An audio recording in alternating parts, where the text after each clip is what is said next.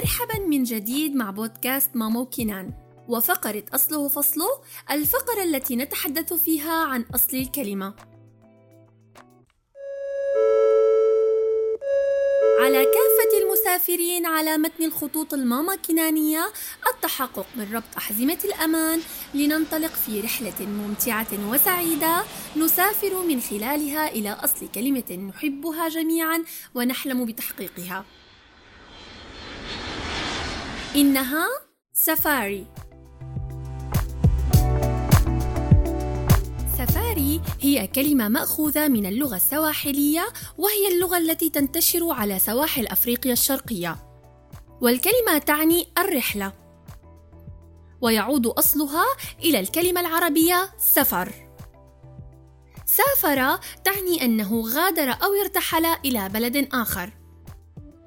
وكلمة سفاري تطلق في الغالب على الرحلات ذات الطابع البري بغرض السياحة ومشاهدة الحيوانات البرية والاستمتاع بالبراري والتخييم.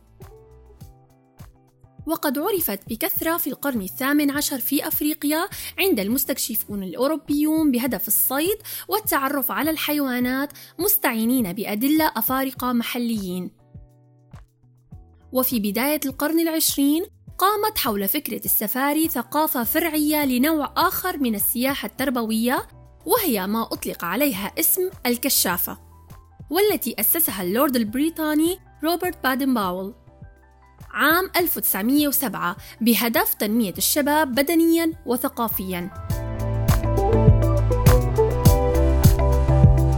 وهذه الكلمة ارتبطت دلالاتها في معظم لغات العالم بمعناها العربي سافر. وتعني كما قلنا رحلة ذات طابع بري.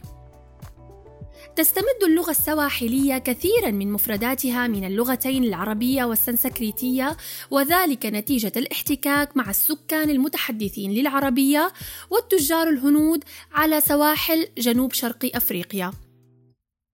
وتعد أفريقيا أشهر قارات العالم في رحل السفاري حيث أنه في العصر الحديث تقوم السياحة في عديد من الدول الإفريقية وغيرها على تنظيم رحلات السفاري وما يتعلق بها من خدمات كما وتخصص محميات طبيعية شاسعة للحيوانات لهذا الغرض.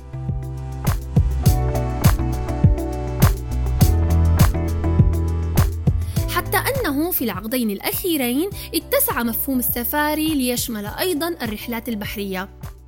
ولكنه ما زال مشهورا أكثر في الرحلات البرية والبراري وهل ما سبق ينطبق على منطقتنا العربية يا ترى؟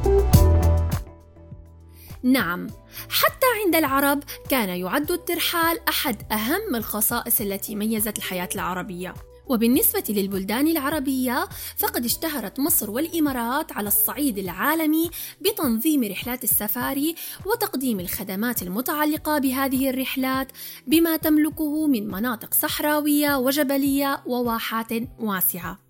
ما أجمل التعرف على بديع خلق الله.